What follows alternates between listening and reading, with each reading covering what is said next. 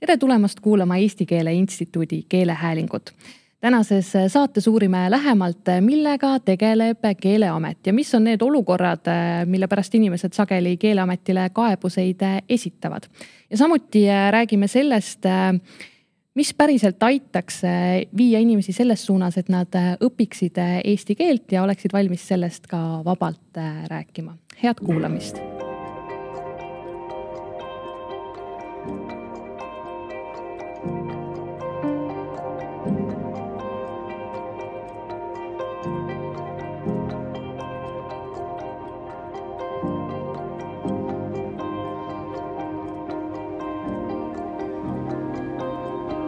tänases äh, saates äh, on külla tulnud äh, kõigepealt Katri Raik, endine Narva linnapea ja Tartu Ülikooli esindaja Idu, Ida-Virumaalt, tere tulemast. tere. Ja Ilmar Tomus, Keeleameti peadirektor, tere tulemast. tervist. alustame kõigepealt Keeleametiga. keeleamet on selline organisatsioon, mis paljudes inimestes tekitab segadust, et mis need täpsed ülesanded siis Keeleametil ikkagi on ja mina huvi pärast enne siia tulekut guugeldasin ja võtsin lahti Vikipeedia lehekülje ja see rodu, millega Keeleamet tegeleb, on ikkagi päris, päris suur, et päris palju ülesandeid. aga kuidas te ise võtaksite võib-olla kõige lihtsamalt kokku, et mis need peamised ülesanded on Keeleametil? no Keeleamet on tegelikult ennekõike järelevalveasutus ja ülesanded, millega me tegeleme, tulevad keeleseadusest. ja kui minna ajaloos natukene tagasi, siis esimene keeleseadus võeti vastu kui ma nüüd räägin iseseisvuse taastanud Eestist, siis võeti natukene enne iseseisvuse taastamist tuhande üheksasaja kaheksakümne üheksandal aastal. See oli siis nii-öelda Eesti NSV keeleseadus ja selle, selles sätestatud nõuete kontrollimiseks asutati tuhande üheksasaja üheksakümnenda aasta novembris riiklik keeleamet ja, ja põhimõtteliselt sellest ajast peale on Keeleamet tegutsenud. vahepeal, see on siis aastatel tuhat üheksasada üheksakümmend kaheksa kuni kaks tuhat kakskümmend, kandis see asutus Keeleinspektsiooni nime, aga põhimõtteliselt on see asutus kogu aeg tegelenud keeleseaduses sätestatud nõuete kontrollimisega. kuidas seda kontrolli teostatakse? Mm, see on nüüd selline keeruline lugu, et, et neid kontrollivaldkondi on mitmeid. Äh, kui me räägime avalikust teabest, siis keeleseadus ütleb, et avalik teave peab olema eestikeelne, muidugi. Me ei saa ju Eestis ainult eesti keelega läbi. see tähendab seda, et me peame teavet andma ka teistes keeltes. ja, ja keeleseadus ütlebki, et eestikeelne teave peab olema esikohal ega tohi olla halvemini vaadeldav kui tõlge kui me käime tänaval, siis me näeme eestikeelset teavet, näeme võõrkeelset teavet ja kui tegemist on tavapärase avaliku teabe või reklaamiga, siis Keeleamet peab kontrollima seda, kas eesti keel on esikohal, kas ta on paremini vaadeldav, kas ta on halvemini vaadeldav ja kui eesti keelt ei ole või ta on halvemini vaadeldav, siis keeleametnik alustab menetluse, pöördub ettevõtja poole, selgitab keeleseaduse nõudeid ja sellises, ütleme, vabamas, kergemas või tungivamas vormis esitab nii-öelda riigi esindajana nõude, kas siis lisada eesti keel või viia eesti keel esikohale. Aga on ka selliseid olukordi, eh, kus täiesti ametlikult ja nagu keeleseaduse kohaselt võibki võõrkeel olla selliselt esikohal, et eesti keelt ei ole isegi näha ja need on need juhtumid, kus võõrkeelne teave on äh, nii-öelda kaubamärk. kaubamärk on selles mõttes ettevõtjate jaoks selline suhteliselt püha asi. Sinna, sellesse ei tohi sekkuda, see on ju ettevõtja identiteet. Ja kaubamärkide puhul ütleb keeleseadus, et kui see võõrkeelne kaubamärk sisaldab olulist teavet tegevuskoha, pakutava kauba või teenuse kohta, siis peab see eestikeelne teave kuskil olema. aga seadus ei ütle, kus ta peab olema, seadus ei ütle isegi seda, kas ta peab näha olema nii et tihtipeale on niiviisi, et see võõrkeelne kaubamärk on kas äh, hoone fassaadil või väga suurelt ukse kõrval, aknal. aga eestikeelne teave on kuskil nurga taga, leti peal ja ka sellisel juhul on paraku keeleseaduse nõuded täidetud. nii et siin eelmine aasta haridusministeerium valmistas ette ühe keeleseaduse muudatuse, kus me hea meelega tahtsime näha sellist olukorda, et ka kaubamärkide puhul peaks eesti keel olema ikkagi rohkem näha. aga poliitikud ei jõudnud omavahel kokkuleppele, et kas see peaks nii olema või ei peaks. ja praegu ongi niiviisi, et kui see eesti keel kuskil on noh, neid meil on näiteks üks selline juhtum, kus eesti keel oli sellise nimekaardi suuruse lipiku peal äh, uksematil et isegi sel juhul on keeleseaduse nõuded täidetud, nii et neid, neid, neid nüansse on avaliku teabe puhul väga palju ja, ja, ja kui meil räägitakse tihtipeale, et kas meil tõesti on kakskeelsus, et keeleseadus nõuab eestikeelsust, siis keeleseaduse see säte, mis reguleerib avaliku teabe keelt, tegelikult on sisuliselt kakskeelne, eesti keel. Peab olema aga seal kõrval võib olla võõrkeelne teave, mis võib olla sama suur kui eestikeelne teave. Nendest äh, nüanssidest me jõuame hiljem veel äh, rääkida, aga Katri, teie olete pidanud äh, mitmeid erinevaid ameteid, kas oma elus teil on kunagi, kunagi Keeleametiga ka kokkupuuteid olnud? oo oh jaa, ja me oleme olnud Ilmariga täitsa eri seisukohtadel keeleküsimustes, aga Ilmaril on muidugi õigus, sest tema on Keeleameti juht. aga meie viimane kokkupuude oli, kui ma olin Narva linnapea, siis äh, selle aasta augustis, esimesel augustil ähm, pidid kooli ja lasteaiajuhid oskama eesti keelt kõrgtasemel selleks, et ähm, jätkata koolijuhi või lasteaiajuhina. Narva linn oli siis nii kuri, et me kutsusime Keeleameti et äh, kontrollida, kas meie lasteaiajuhid ja koolijuhid ka tegelikult eesti keelt kõrgtasemel äh, valdavad, see on üks pikk ja keeruline protsess, kuidas keelenõuded on Eestis äh, muutunud, sul võib olla üheksakümne üheksandast aastast, tuhande üheksasaja üheksakümne üheksandast aastast paber, aga see ei tarvitse, mis küll ütleb, et sul on kõrgtase, aga see ei näita, et sa tegelikkuses ka kakskümmend neli aastat hiljem eesti keelt oskad, kus seda vahepeal kasutanud ei ole Mm, ja tõepoolest Narvas osutus olema üks koolidirektor ja kolm lasteaiajuhti, kellel on vastav dokument olemas, aga kes tegelikult eesti keelt kõrgtasemel ei vasta. ma olen sügavalt sisimas veendunud, et äh, inimesed, kes ise eesti keelt ei oska, ei palka endale ka eestikeelseid kolleege, sest nad ei, ei suudagi kontrollida aru saada, kas inimene piisavalt äh, eesti keelt oskab. ja Ilmar arvas, et ma olen liiga range ja see on liiga ootamatu nõue, aga ma olen tänaseni kindel, et ma tegin õigesti. ja see tegelikult ei, ma isegi ei arvanud, et see on liiga ootamatu, seal on küsimus lihtsalt selles, et meie keeleõigus, mis reguleerib seda, kuidas äh, isik oma keeleoskust tõendab. ma ütlen ausalt, see on niivõrd nüansirohke ja, ja, ja isegi võiks öelda, et nii segane, et sellest on äärmiselt raske isegi juristidel aru saada.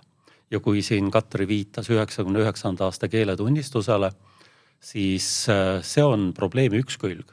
aga meil on ka äh, noh, muid võimalusi oma keeleoskust tõendada, näiteks inimene on omandanud hariduse eesti keeles. ja võiks olla ju loogiline, et kui isik on omandanud eestikeelse hariduse, siis ta eesti keelt oskab. siis me küsime, mis on eestikeelne haridus. siis läheb asi natukene juba logisema, eestikeelne haridus on see kui, kui kuuskümmend protsenti õppemahust on olnud eestikeelne. Isegi see kuuskümmend protsenti, kui sa oled koolis kolm aastat käinud või neli aastat, võiks anda hea eesti keele oskuse aga kas sellest kuuekümnest protsendist ikkagi kõik on olnud heas eesti keeles, kas see on olnud päriselt eestikeelne ja tuleb välja, et on väga palju eestikeelse, nii-öelda formaalselt eestikeelse gümnaasiumi või eestikeelse kõrgkooli lõpetajaid, kes tegelikult eesti keelt ei oska. Kes ei oska piisavalt eesti keelt näiteks selleks, et asuda tööle Maxima kassas mis me teha saame, et need inimesed saaksid eesti keele selgeks? tegelikult olukord läheb siiski aina ja aina paremaks, ma toon ühe ilusa näite eile õhtust, kui äh, Narvas äh, taastati väga ilus traditsioon, äh, väitlusklubi ja väitlusdebatid.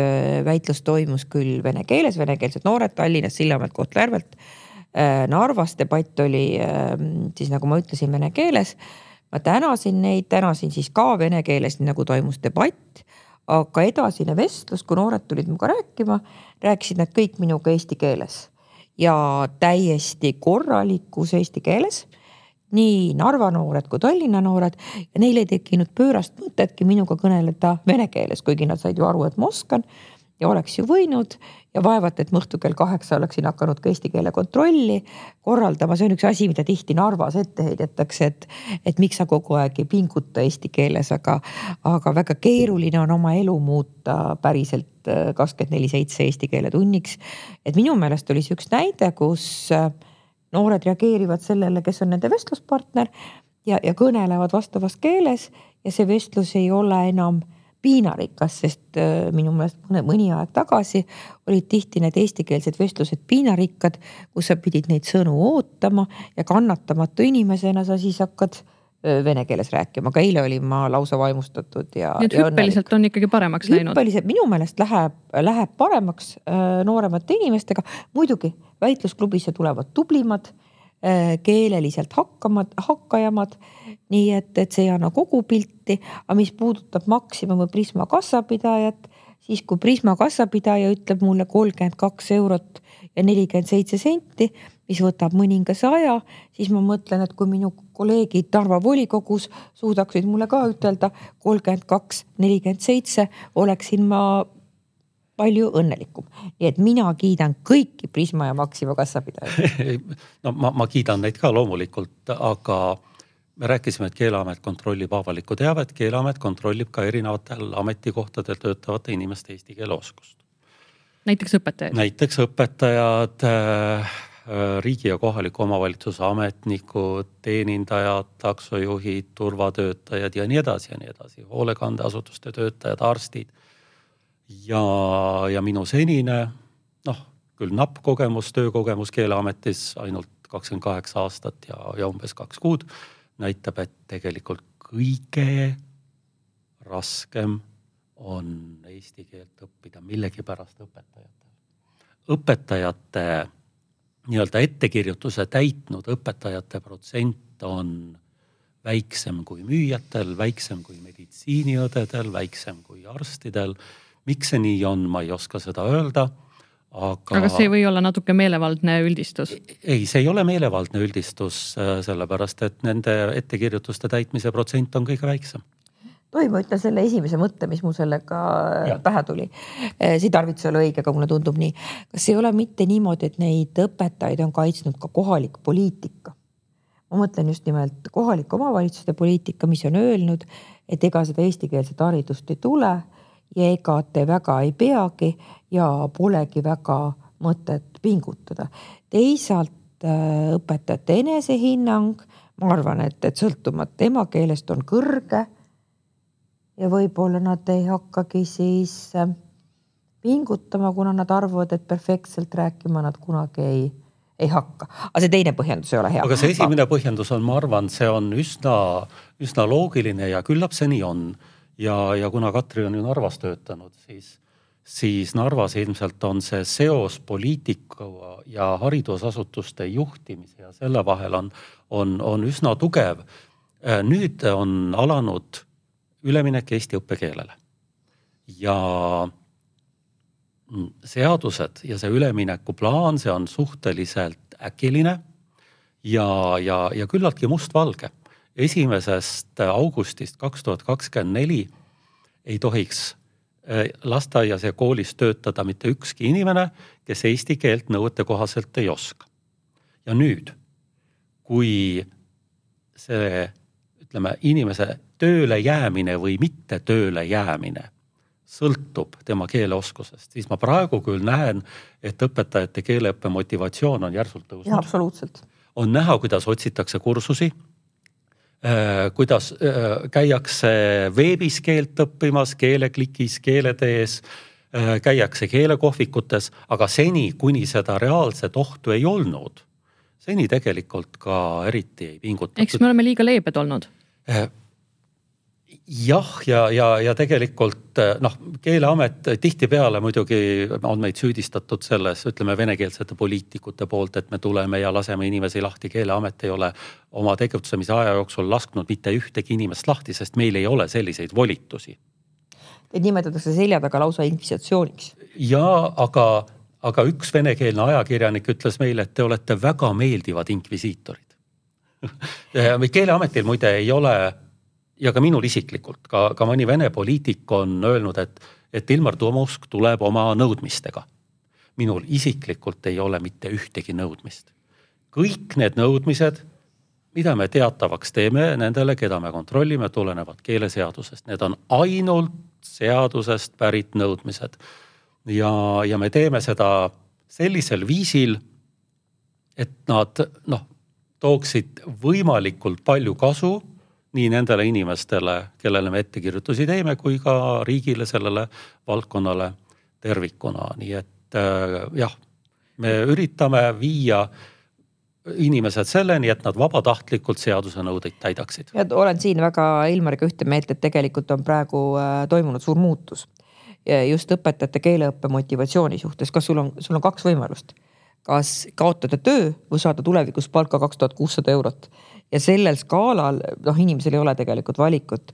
kui augustikuus asus sada Narva õpetajat õppima eesti keelt eesti keele kursustele ja nendest üheksakümmend kuus käib keelekursustel novembrikuu lõpuks, siis see on minu meelest peaaegu et ideaalilähedane tulemus ja teisalt Narva kolledžis võeti õppima rühm õpetajaid, kes tahavad tulevikus töötada algklassi õpetajatena ja kelle keeletase pidi olema vähemalt B2 Äh, ja selgelt, kui nad selle kursused lõpetavad, mahukad aasta otsa kestvad äh, ümberõppekursused, siis nad muidugi peavad tegema keeleeksami, see ei tähenda, et selle paberi alusel seal lõpetatakse neile metoodikat, mitte siis eesti keelt äh, valdavalt. et, et see neid nagu tööle aitaks, et keeleoskus on. aga selle aastaga nad saavad sel-, selgeks? aga ongi, selguski, kui neile toimus ka selle õppe käigus siis intensiivne keeleõpe, selgus, et nende objektiivne keeletase on parem, kui keegi arvas passiivselt. ja kui nüüd on tõesti võimalus, et sa õpid ja, ja, ja sa saad vastavad dokumendid ja sa, ja sa võid algklassi õpetajana tööle minna ja sa saad kaks tuhat kuussada eurot palka, nagu see Ida-Virumaal praegu on, siis on neid õpetajaid selle võrra motiveerinud, et, et tegelikult ka keel areneb. et tõepoolest on õigus, et me oleme olnud sellised pehmekesed. ma pean selles meie all silmas Eesti riiki, et präänikut on olnud nagu rohkem kui piitsa ja praegu tundub, et selles olus, olus, nendes oludes ähm, piits aitab paremini. piits töötab paremini, kuigi präänik on ju see, et need kursused tegelikult ju riigi raha eest, meie kõigi ühiste, ühise raha eest äh, võimaldatakse. jah, ma olen aastaid mõelnud seda, enne kui nüüd see üleminek ja sellega seotud õigusaktid vastu võeti et see on ikkagi väga kummaline, et Keeleamet kontrollib, teeb oma ettekirjutusi, määrab sunnirahasid, aga tööandja ei pilgutagu nagu eriti silmagi selle peale, tööandja, see tähendab siis koolipidaja, kohalik omavalitsus mm. -hmm. ja, ja õpetajad ütlevad meile, me maksame need trahvid ära, jätke meid rahule. ja, ja tihtipeale õpetajad läksid kursustele selleks, et tuua keeleametnikule paber ja näidata, et ta õpib nii et seal taga ei olnud mitte tegelik soov eesti keelt õppida, vaid noh, selline nii-öelda, see on inetu sõna ja see on võõrkeelne ka, aga selline nagu pakasuha. ma ka toon kahest valdkonnast äh, sarnase näite. aastakümneid me tegelesime äh, politseinike keeleoskusega. meil oli Ida-Virumaal kümneid ja kümneid, varem isegi sadu politseinikke, kes eesti keelt ei rääkinud. ühel hetkel Politseiamet või nüüd Politsei- ja Piirivalveamet äh, võttis seisukoha, et enam ei anna, anta luba töötada neile, kes eesti keelt ei oska. Need, kes õppisid ära, jäid tööle ja need, kes ei õppinud, nad vabastati töölt. ja, ja see joon tõmmati vahele. täpselt sama oli vanglasüsteemis. meil oli aastakümneid probleeme vanglaametnikega, kes rääkisid emakeelena vene keelt ja kes eesti keelt ei osanud. ja justiitsministeerium ja, ja vanglate osakond ühel hetkel otsustas kusjuures nad otsustasid väga paindlikult, nad andsid veel paar aastat aega. kui te selle aja jooksul õpite ära, jääte tööle, kui ei õpi, vabastatakse töölt. aga kas see ei tekita nendes ja... inimestes viha, ma mõtlen riigi vastu, et kui nendega nii karm olla? Äh, noh, võib-olla, võib-olla viha on natukene selline liiga tugev väljend, aga mingisuguseid emotsioone see kindlasti tekitab. aga näiteks vanglasüsteemi puhul ma nägin kus justiitsministeerium andis noh, tõesti absoluutselt piisavalt aega. et isegi nullist oma keeleoskust C1-ni viia ja ka siis oli neid, kes ära õppisid ja siis oli neid, kes ei õppinud, kusjuures aastakümneid oli neile seda võimalust pakutud ja, ja keeleõpet pakutud. Katrin, miks need inimesed ei kasuta neid võimalusi? see on hea küsimus, ma olen seda Sisekaitseakadeemia rektorina ja hiljem ka siseministrina ähm, kaasa elanud no Politsei- ja Piirivalveametis kui ka Päästeametis tegelikult äh, keelenõuete elluviimisel, ka seal anti tegelikult äh, lisaaasta. ja nüüd siis tõesti Politsei- ja Piirivalveamet oma Virumaa piirkonnas siis hiljuti äh, jah, siis koondas, ma enam peast ei mäleta, kuusteist inimest näiteks. aga ka seal öeldi, et kui te nüüd millegipärast keele ära õpite, siis te olete teenistusse teretulnud äh, tagasi, eks seal ole igalühel mingi oma mm, lugu ju ei usuta, et tegelikult see jõuab sellise koondamissituatsioonini. minul võttis väga kaua aega, aga minul saab varsti kakskümmend viis aastat Narvas elatud et ma sain mingil hetkel aru, et minu enda keeleõppe kogemus on täiesti teistsugune kui nendel inimestel. Äh, paljud nendest on jõudnud koolis käia veel kas siis täielikult või osaliselt nõukogude ajal, osaliselt küll ka nõukogude ajal, äh, nooremad inimesed. Ja neil ei ole võõrkeele õppekogemust, ka venekeelsetes koolides on üldreeglina ka taasiseseisvunud Eestis olnud inglise või saksa või võõrkeele õpe nõrgem ja, ja neil puudub, neil inimestel puudub teises, teise keele või võõrkeele, enda jaoks võõrkeele õppimise kogemus, neil puudub isiklik arusaam, kuidas seda keelt eh, selgeks saada, kas sul jääb rohkem meelde kuulates või rohkem meelde lugedes või rohkem meelde kirjutades, mis sul on lihtsam ja mis on keerulisem. Ja, ja see ilmsesti teeb selle keele õppimisega nii-öelda ebameeldivamaks teine, mis on väga oluline, et eks need õppemeetodid või mida on aastaid kasutatud, on olnud ka väga erinevad ja tihti väga formaalsed. tegelikult on viimased aastad vähemalt Narva eh, toonud eesti keele õppes suure muutuse. kui eesti keel oli aastaid ja aastakümneid selline asi, mida tuli õppida teisipäeva ja neljapäeva õhtuti viiest poole seitsmeni kuskil kolmanda korruse klassitoas pimedas väga tüütu, siis nüüd on eesti keele maja, on tandemkoor ja keelt saab õppida läbi moe ja keelt saab õppida keelesõbraga ja keelt saab õppida keeleklubis. et see keele õppimine on muutunud äh, äh, huvitavamaks ka täiskasvanud inimestele ja, ja see tundub nagu nii, nii naiivne, mis ma praegu räägin, aga see on äärmiselt suur äh, läbimurre. aga mida ma tunnen praegu Narvas, mis on Euroopa Liidu kõige venekeelsem linn, et eesti keel on äh, nagu siiski koolitunni keel ka õpilastele. et eesti keelt tuleb kasutada see nelikümmend viis või viiskümmend minutit või, või poolteist tundi, kuidas see koolitund on sätitud. ja, ja siis on seal eesti keelega kõik, siis teda rohkem kasutama ei pea. ja siis ehmatavad ka inimesed ära, kui nad lähevad näiteks ülikooli Tartusse õppima ühe minu hea kolleegi poeg, kes on väga tubli ja nüüd on ka saanud kätte kenasti magistrikraadi, mis võttis seitse või kaheksa aastat Viitja väga tubli, aga Viitja ütles esialgu, kui ta käid keelekümblusklassis, et tead lihtsalt liiga palju eestlasi ja liiga palju eesti keelt et see, et, et sa oskad küll, aga et see sul ööpäev ringi, eks ju, ja neid inimesi on nii palju, et see on nii ootamatu. et ma arvan, et, et see Eesti eripära, et meil vene kogukond elab noh, kompaktselt Ida-Virumaal, kompaktselt siin Tallinnas.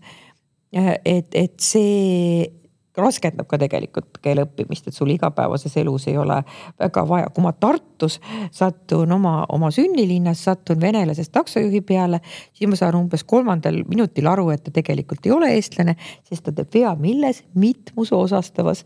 mina ei tea, mis vene keelt kõnelevatel inimestel on, äkki sa, Ilmar, oskad seletada, aga mitmuse osastavas tehakse ikka lõpuks mingi viga. no tõenäoliselt see on see nii-öelda saveršennõi ja nesaveršennõi ja täis ja osasihitis mm. ja, ja sellega tehakse vigu. aga äh, see, see murrang nagu mõtteviisis mm., ühtepidi on see tulnud justkui meie äh, õigusregulatsioonide kaudu, sellepärast et alates kahe tuhande kuueteistkümnenda aasta esimesest juulist kehtivad kvaliteedinõuded täiskasvanute keeleõppefirmadele. ja see on üks Keeleameti järelevalve valdkondi. Me kontrollime keele, täiskasvanute keeleõpetajate pädevust ja hindame õppekavasid. ja, ja me näeme, näeme seda, et kui, kui varem keeleõpe oli pigem ikkagi selline kuiv ja grammatikakeskne. käänamine, pööramine, inimene oskab perfektselt käänata ja pöörata, aga rääkida ei oska. Siis, siis praegu see läheb pigem ikkagi sellise kommunikatiivse keeleõppe suunas.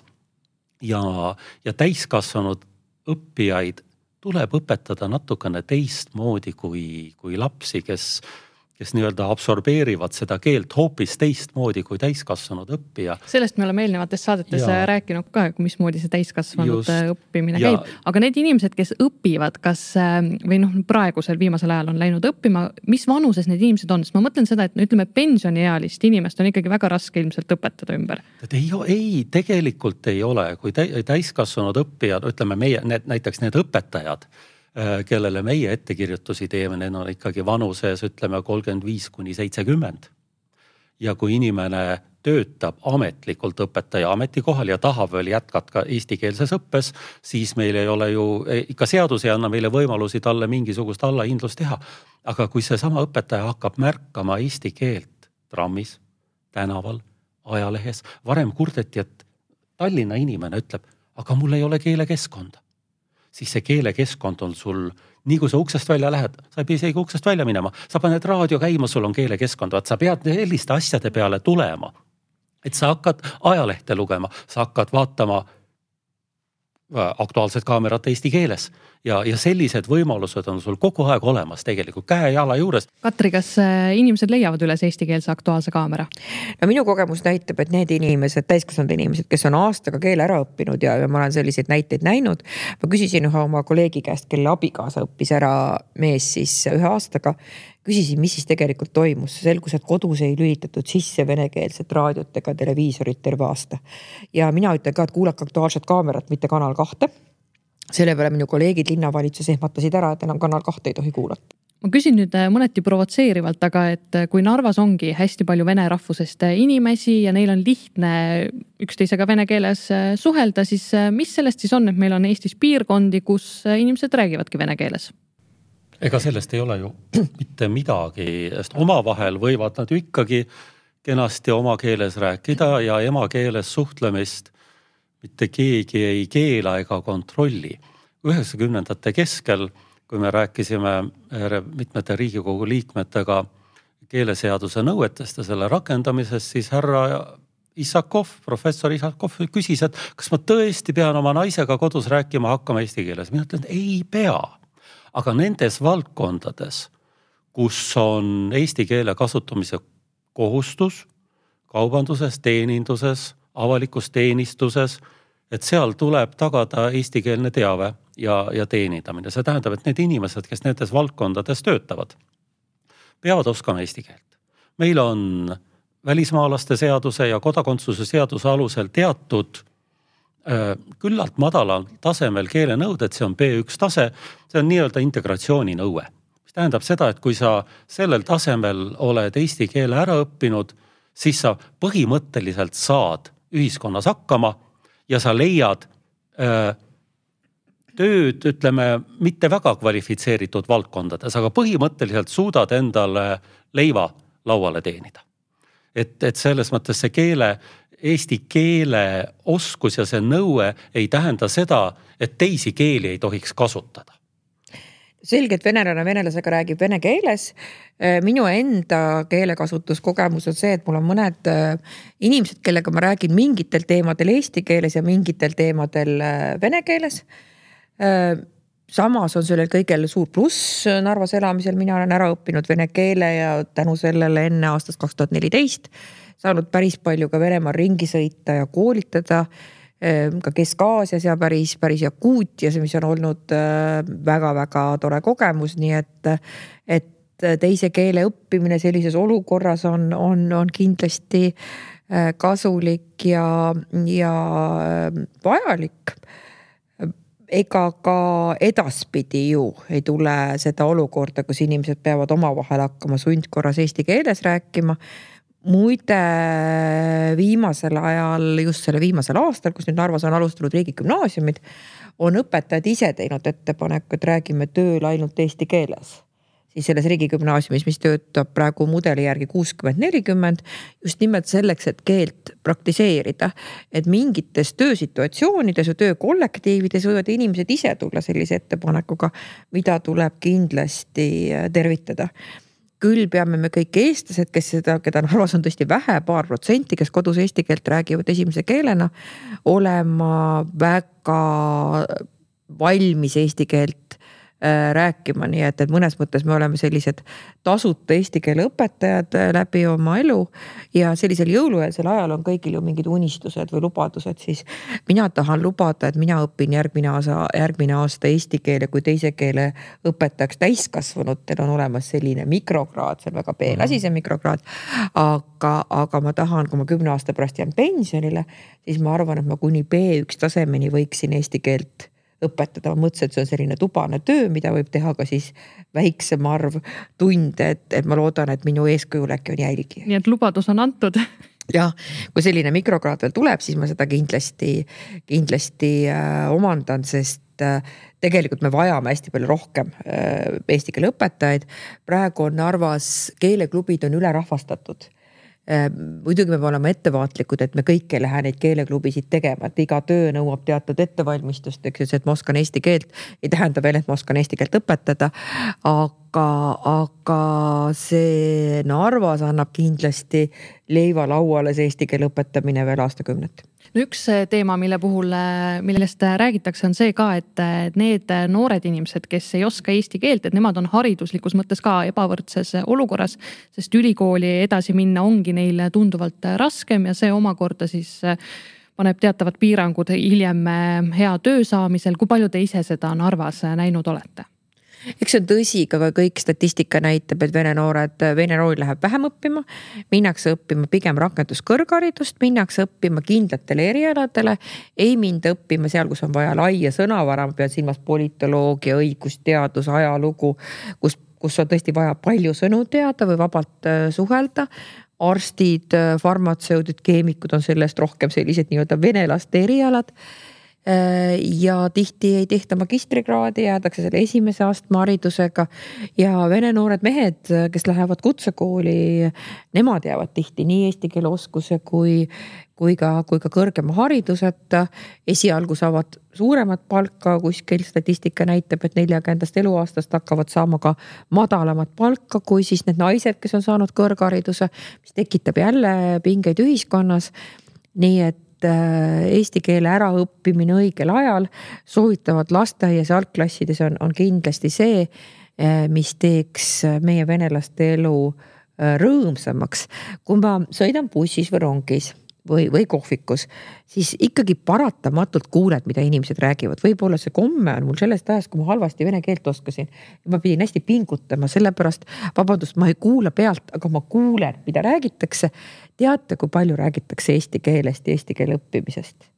aga kas see on nüüd viimasel bussis, ajal tulnud? see on olnud alati, aga nüüd viimasel ajal äh, veel rohkem äh, et, et seda arutatakse eesti keele nõudeid, keeleametit, aga ka tõesti seda, kuidas õppida, kust õppida, kus on tasulised, kus on tasuta kursused.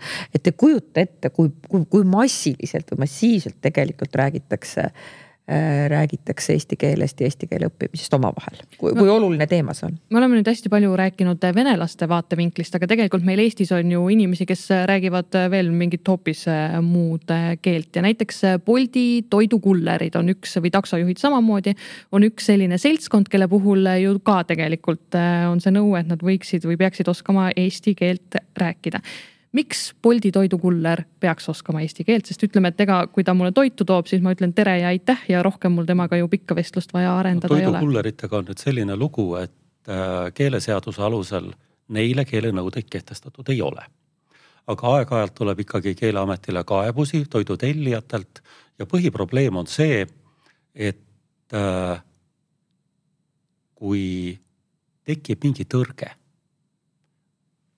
kulder ei leia üles õiget ust, õiget väravat, ei tea, kuidas sealt sisse saada, ei oska küsida, siis jääb see saadetis värava taha.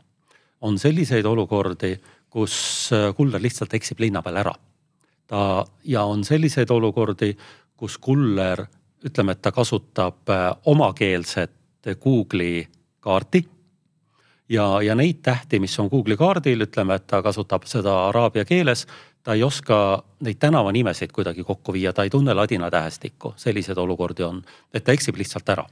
ja et selles mõttes elementaarsel tasemel noh, ütleme, et see võiks olla, võib-olla isegi A1-st piisaks või, või A2 tasemel võiks kuller eesti keelt osata, aga taksojuhtidel on eesti keele kohustus, aga see tuleb natukene ümber nurga taksojuhtidega on asi niiviisi, et nad saavad teenindajakaardi ühistranspordiseaduse alusel.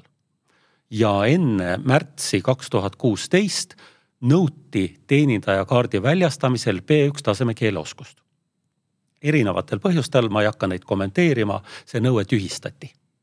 see tähendab seda, et taksojuhid, on nad Bolti või Foruse või mis iganes taksojuhid, saavad oma teenindajakaardi ehk siis õiguse teenust pakkuda kätte ilma eesti keele oskuseta. no kuidas nad saavad selle?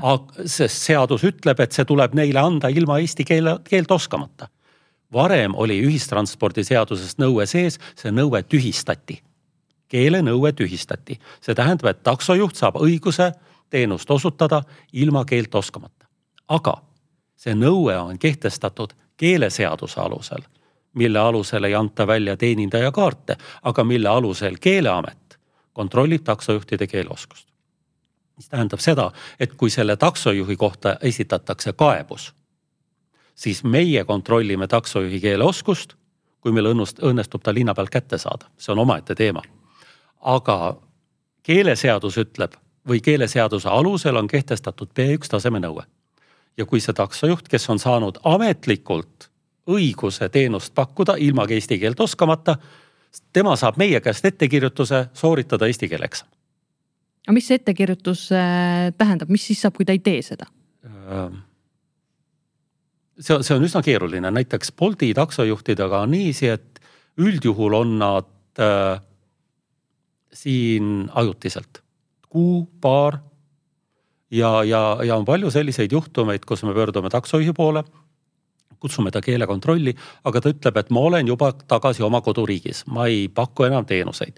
mõni ütleb, et äh, see oli mul täiesti juhuslik sõit ma igaks juhuks võtsin teenindajakaardi, tegin ühe juhusliku sõidu, tegelikult ma taksojuht ei ole. aga on neid, kes tahavad tegelikult taksoteenust osutada ja lõpuks selle B1 taseme eksami ikkagi ära teevad. nii et noh, minu jaoks on siin väike vastuvool, et ühelt poolt nagu riik annab neile õiguse teenust pakkuda ilma keeleoskuseta, teiselt poolt teise seaduse kaudu seda keeleoskust hakatakse nõudma, nii et. ehk siis natuke nokk kinni, saba lahti. jah, et, et tegelikult see nõue tuleks sinna ühistranspordiseadusesse tagasi, tagasi panna, et asi oleks kõikidele selge, sest see on, no ma oleks ise ka üllatunud, kui riik annab mulle õiguse midagi teha. ja pärast mingi aja pärast ütleb, et aga mul ei olegi õigust seda, seda teha, sellepärast et mul see ja see, see asi on puudu. et riik võiks rääkida oma erinevates seadustes sama keelt me räägime siin, eks ju, praegu taksojuhtidest ja toidukulleritest, aga me ei räägi näiteks kohalike volikogu liikmetest mis on ju tegelikult äh, minu meelest veel olulisem teema, sest need inimesed võtavad äh, vastu meid kõiki puudutavaid äh, otsuseid meie emakeelest sõltumata. Te ilmselt viitate seal Narva volikogule, kes siis pikalt vene keeles. tegelikult ei viita ainult Narva, sellepärast et Narva on kuna Narva asub seal, kus Narva asub ja Narva on suur linn, eh, siis, siis Narva paistab rohkem silma ja mind on niimoodi kodus õpetatud, et ei tohi teiste peale näpuga näidata. aga ma tean veel kaks, kolme volikogu veel mm, -hmm. kus on, kus on, kus on sama probleeme, võib-olla veel, veel suuremgi. aga, aga tõepoolest jah, et, et tegelikult see on samamoodi, et äh, volikogu liikmel ju ei ole kuskil seaduses kirjas. enam ei ole. jah, enam ei ole, aga ja, ja, ja enam ei ole kirjas ja volikogu liige tegelikult eesti keelt oskama justkui kõik ju saavad aru, et peaks, aga ei oska, ei juhtu ka äh, mitte midagi ja, ja samas ka valija, ka, ka vene vanaema küsib Narvas, et mis mõttes nad ei oska eesti keelt ja kuidas nad oma tööd saavad teha. Aga kui ma. kuidas nad saavad oma tööd teha siis? E, no olgu, mitteametlikult tõlgitakse kõik õigusaktid, mis vastu võetakse vene keelde, aga tegelikult kogu diskussioonist, mis toimub volikogus ja kogu arutelust jäävad need inimesed ilma ja kuna Narva poliitilises kultuuris koalitsioon hoiab oma suu kinni, siis ma hiljuti just mõtlesin, et huvitav, et, et miks me Jaan Tootsiga seda siin teeme, et miks me veel kolmkümmend inimest oleme kutsunud, et me võiks seda ju omavahel kuskil teises kohas arutada või tegelikult oleme ausad, et ka opositsioonist neid inimesi, kes siis püsti tõusevad ja diskussiooni asuvad, kes tunnevad ennast eesti keeles selle võrra äh, vabalt, on võib-olla kolm-neli, äärmisel juhul viis inimest ja, ja ülejäänud siis ähm, kakskümmend kuus ähm, vaatavad tegelikult pealt. see olukord kindlasti ei ole normaalne ja ma loodan, et ma ikkagi näen ära sel hetke, kui keeleseadusesse või kohaliku omavalitsuse korralduse seadusesse siiski kirjutatakse vähemalt see, et inimene peab ise omakäeliselt kinnitama volikokku kandideerides, et ta oskab eesti keelt. see on muidugi see, et normaalsed inimesed siis mõtlevad, et ma ikka piisavalt ei oska ja, ja, ja ma võib-olla ei lähegi sinna volikokku siis kandideerima. aga need, kes on ülbemad, kirjutavad alla, kandideerivad ja midagi nendega ei juhtu, sest neil on rahva mandaat ja ka Ilmari äh, tublid inkvis-, kuidas siis on? inspektorid. inspektorid, inspektorid, inspektorid tõe, tõepoolest väga kenad prouad äh, ei saa ka mitte midagi teha, sest rahva mandaati ei saa ju ka inspektor ära võtta. aga ma saan aru, et väga oluline teema. Narva volikogus Keeleamet siis käis kohapeal ka ja vaatas, et kuidas seal me, siis jaa, toimus. me saame vaadata, mis toimub, aga me ei saa ühele volikogu, ühelegi volikogu liikmele, kes keelt ei oska, ettekirjutust teha, et nad keelt oskavad. aga sealt tegelikult ju tuli välja see, et nad isegi paljud inimesed oskaksid eesti keelt, et nad saaksid hakkama, aga nad lihtsalt ei võib-olla umbes räägi. pooled ehk saaksid hakkama. umbes või? pooled saaksid ja selles mõttes, et umbes pooled, mina tegin selle järelduse nagu ikka, neid järeldusi saab teha ekstreemsetes olukordades. kui käis peaminister Kaja Kallas Narvas ja teatas, et Narva tank viiakse iga, igal juhul ära, siis pooled volikogu liikmed võpatasid ja pooled ei reageerinud. et see oli nii ekstreemne jah. olukord, et selles olukorras mitte reageerida oli ilmvõimatu. aga siin on jällegi vastuolu kahe seaduse vahel tegelikult volikogu liikmete ja riigikogu liikmete keelenõue on seaduses olnud ajavahemikus tuhat üheksasada üheksakümmend viis kuni kaks tuhat üks. miks see välja võeti?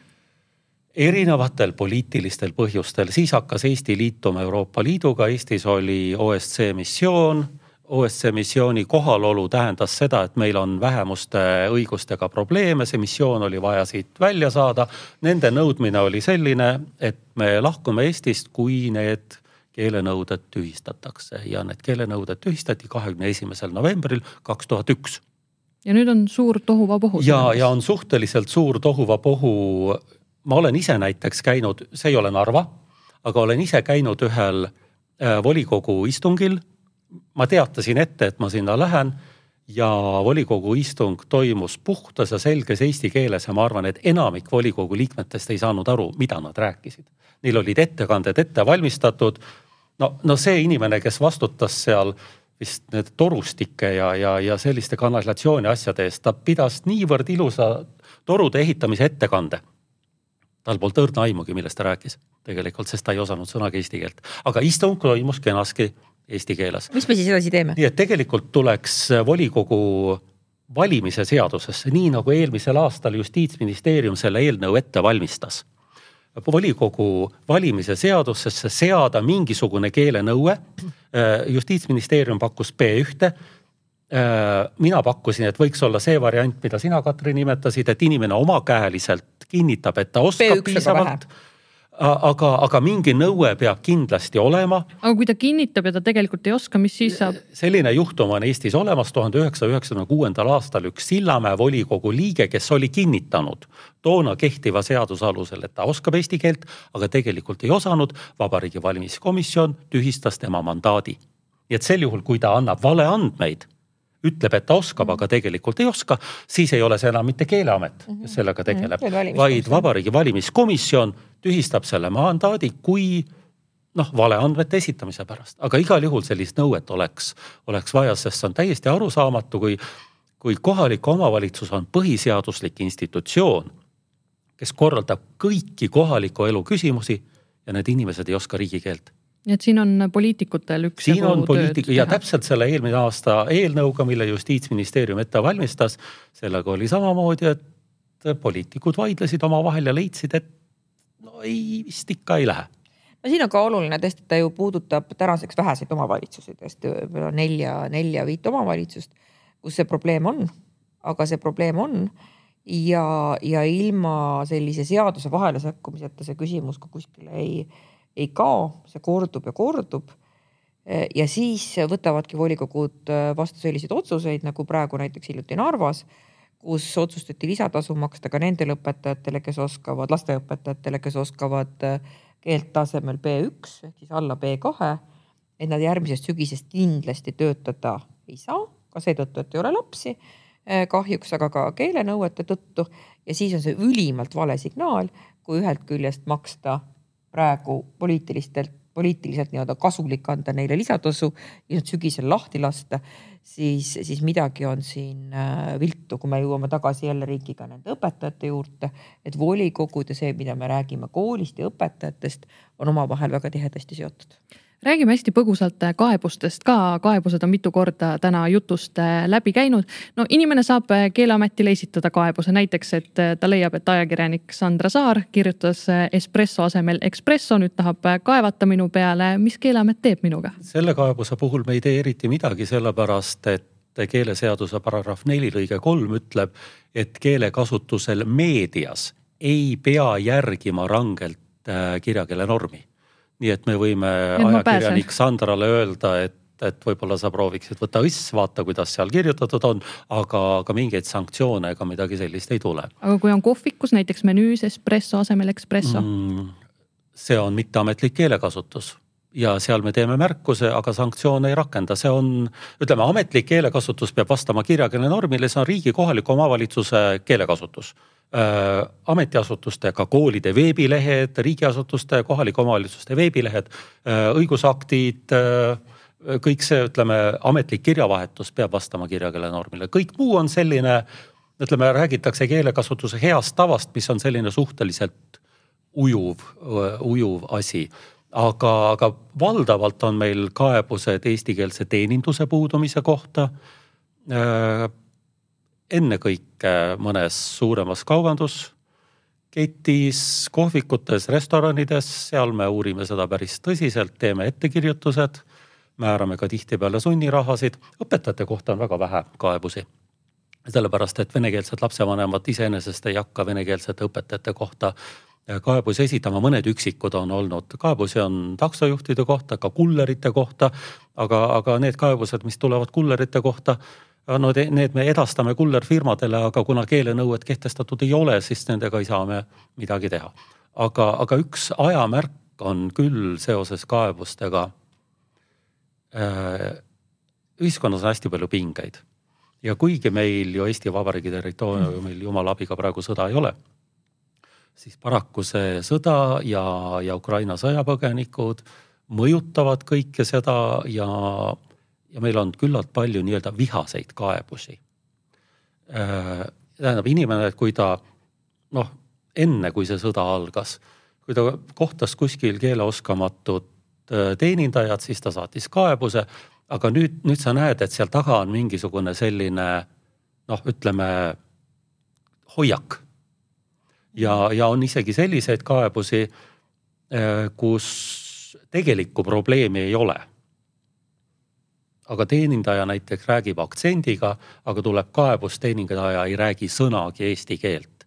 meil hiljuti oli ühe, ühe uue kaupluste keti kohta kaebus ja, ja me teame, me oleme seda kaupluste ketti kontrollinud, et seal on, seal on kõik, ütleme nii korras, kui, kui tegelikult üldse korras saab olla ja tuli kaebus, et käisin selles ja selles poes ja mitte ükski teenindaja ei rääkinud eesti keelt ja me tegime sellise otsuse, et me saatsime oma inspektorid mitte kontrollreidile, vaid ostlema. minge poodi ja rääkige teenindajatega, küsige seda, teist ja kolmandat. Ja tuli välja, et mitte ühtegi teenindajat ei olnud, kellega ei olnud võimalik eesti keeles suhelda, kõik oskasid, kõik oli korras. aga, aga see, see ütleme, kaebuse esitaja hoiak oli juba algusest peale negatiivne. et seda negatiivsust on väga palju ja, ja tihtipeale noh, süüdistatakse, et, et Ukraina sõjapõgenikest teenindajad ei oska eesti keelt, kusjuures hämmastav on see, et nad on üldjuhul palju kiiremini ja palju paremini eesti keele ära õppinud kui need teenindajad, kes on Eestis aastakümneid elanud. mul on isiklikult helistatud Viljandist, üks inimene helistas ja ütles, et meil siin poes olid venekeelsed prouad, kes üldse vene, eesti keelt ei osanud. nüüd tuli Ukraina sõjapõgenik, pool aastat on möödas, juba räägib eesti keeles. et, et selliseid nii-öelda positiivseid kaebusi on ka, et öeldakse, et inimesed oskavad ma tahaksin rääkida siia juurde, kui tohib lühidalt, et ma käisin täna siinsamas Tallinnas arsti juures ja see proua, kes oli minu arst, ei olnud eestlane, ma arvan, et ta, ta, ta ei olnud ka, tema emakeel ei olnud äh, vene keel, pigem ukraina keel. aga ta rääkis väga ilusat eesti keelt ja ta tegi väga ilusa nipi, et kontrollida, kas, kas tegelikult ma sain tast aru. kui ta kõik oli mulle ära rääkinud, ta ohkas ja ütles, palun öelge, mis ma teile rääkisin ja siis ma rääkisin talle kõige tähtsamad asjad, mis ta mulle ütles, mis puudutas siis ravimeid ja nende tarvitamist ja ja muid äh, nõuandeid, aga see oli minu meelest väga tore metoodiliselt, kuidas ta, kuidas ta tahtis olla kindel, et patsient on temast tegelikult aru saanud nii et. ehk siis saab oma asjad aetud ilusti. saab oma asjad aetud ja minu meelest see oli lihtsalt metoodiliselt nii tore, et ma kindlasti äh, hakkan seda edaspidi ise kasutama mõnel puhul. igal juhul meie oleme tähele pannud, et Ukraina sõjapõgenikes töötajate, on nad siis teenindajad, väga paljud meditsiiniõed näiteks on teinud juba A2 eksami, on B1 eksami ära teinud selle ütleme pooleteist aasta jooksul, mis nad on siin olnud. nii et äh, ma, ma tõesti ei saaks äh, olla nõus nende kaebuse esitajatega kes ütlevad, et nüüd Ukraina sõjapõgenikud on need, kes, kes eestikeelset suhtlemist ei taga, et pigem on ikkagi need valdavalt meie enda oma oma venekeelsed inimesed, kes ei leia motivatsiooni meie saateaeg paraku hakkab äh, otsa jõudma, aga meil on siin äh, saate lõpus selline rubriik ka nagu kõva sõna. ma olen äh, palunud teil mõlemal kaasa võtta ühe eestikeelse sõna, mida meie kuulajatele ja vaatajatele siis jagada. Ilmar, alustame teist, enne ütlesite, et teil on üks hästi igav sõna. see on, see on maailma kõige igavam sõna ja see sõna on kiri. kiri on tegelikult minu lemmiksõna sest ta tähendab nii paljusid asju ja, ja sellega on võimalik moodustada erinevaid sõnapesasid. kiri on see kiri, mille ma kunagi lapsena saatsin oma vanaemale ja vanaisale. kui me abiellusime, siis minu ema pani kokku ühe albumi, kus on ka mõned kirjad, äh, mis ma vanaemale ja vanaisale saatsin, neid on tore vaadata ja see kiri, mille ma tänapäeval saadan, on ju hoopis teistsugune, see on elektrooniline valdavalt siis kiri tähendab ju ka mustrit. meil on kindakiri, meil on vöökiri, sõnast kiri, ütleme kirjanik, kirjutama, kirjandus, kirjeldama. aga kui me lähme natukene kõrvale, lähme sinna Soome poole, siis kiri soome keeles on kirje. raamat on kirja. raamat raamattu on eesti keeles piibel, aga kiri soome keeles tähendab hoopis spurti. nii et see on hästi mitmetähenduslik ja, ja mitme, mitmeharuline sõna, kuigi nii pisike ja nii tavaline. Katri, mis sõna teie kaasa võtsite? sõna kiri sai nüüd küll minu jaoks täitsa teise tähenduse. Äh, mina küsisin äh, ühelt oma healt venekeelselt sõbralt, et ütle mulle, mis on sinu mm, lemmiksõna eesti keeles. ja tema ütles, et see on abielu, et vene keeles ei ole sellist sõna. et abielu näitab, et sa ei ole üksi ja sa saad vajadusel äh, abi. siis ta ütles veel, et tegelikult on väga ilus sõna ka abikaasa. et see on siis inimene, kes sind aitab, siis ta kirjutas sulgudesse, et võib öelda ka abikassa no väga ilus. sellega saamegi tänase saate lõpetada. aitäh, Katri Raik ja Ilmar Tomusk täna stuudiosse tulemast ja teiega, head vaatajad ja kuulajad, kohtume juba järgmises saates